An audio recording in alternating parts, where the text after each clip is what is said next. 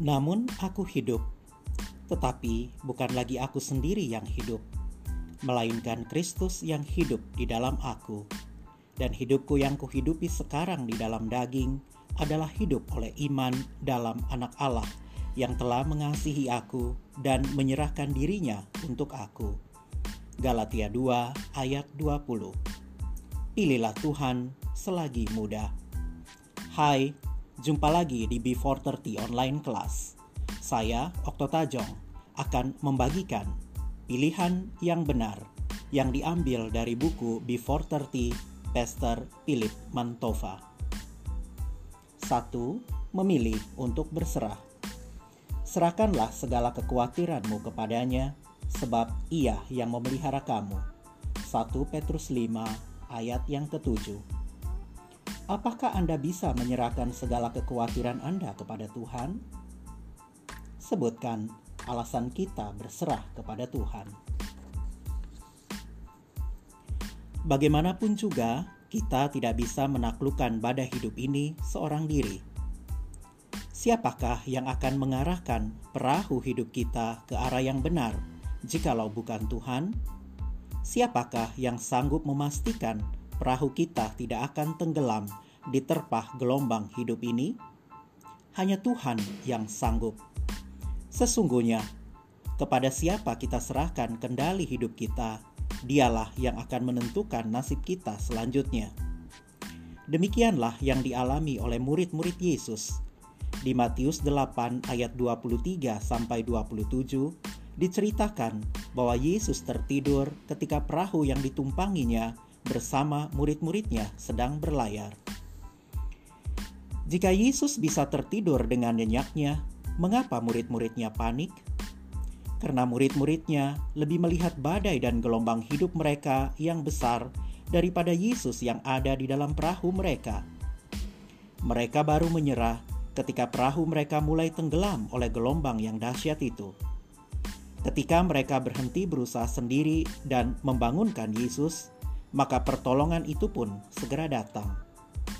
Serahkanlah kendali hidup kita kepada Tuhan, karena Tuhan tahu apa yang terbaik untuk kita. Memilih untuk berserah kepada Tuhan tidak sama dengan pasrah tanpa melakukan apa-apa, tetapi sebaliknya, kita bekerja sama dengan Tuhan untuk menyelesaikan masalah-masalah di hidup kita. Kekhawatiran apakah yang harus Anda serahkan kepada Tuhan? 2. Memilih untuk percaya tanpa melihat. Berbahagialah mereka yang tidak melihat namun percaya. Yohanes 20 ayat 29b. Seringkali panca indera kita membatasi level kepercayaan kita.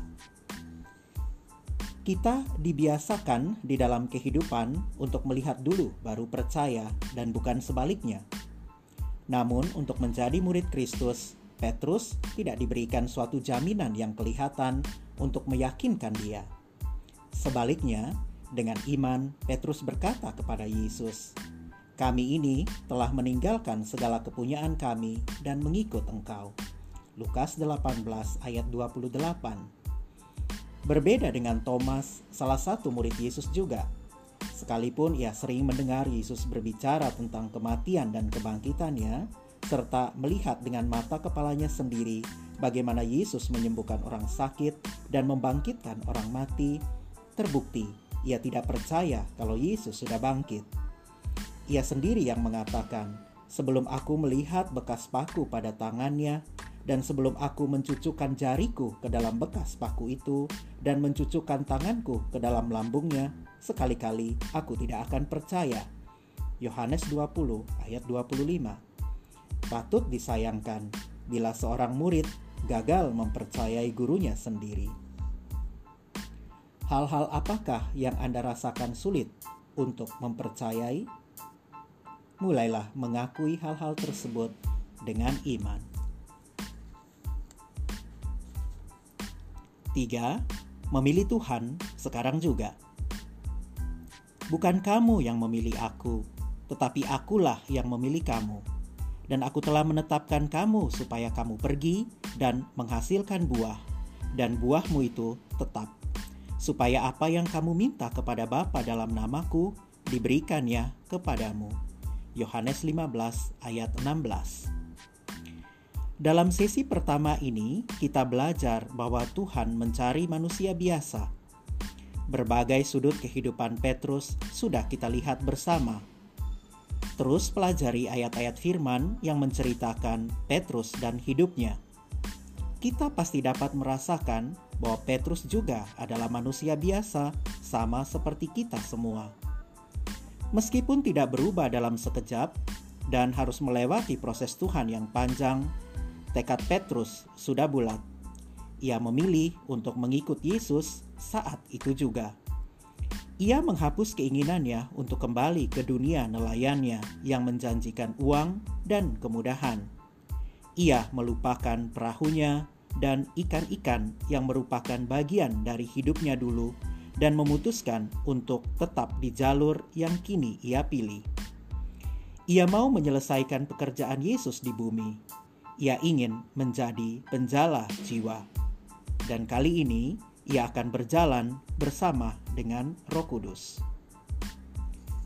Apakah Anda mau memilih untuk mengikuti Yesus saat ini? Renungkanlah. Karena bagiku hidup adalah Kristus dan mati adalah keuntungan. Filipi 1 ayat 21 untuk siapakah Anda hidup hari ini?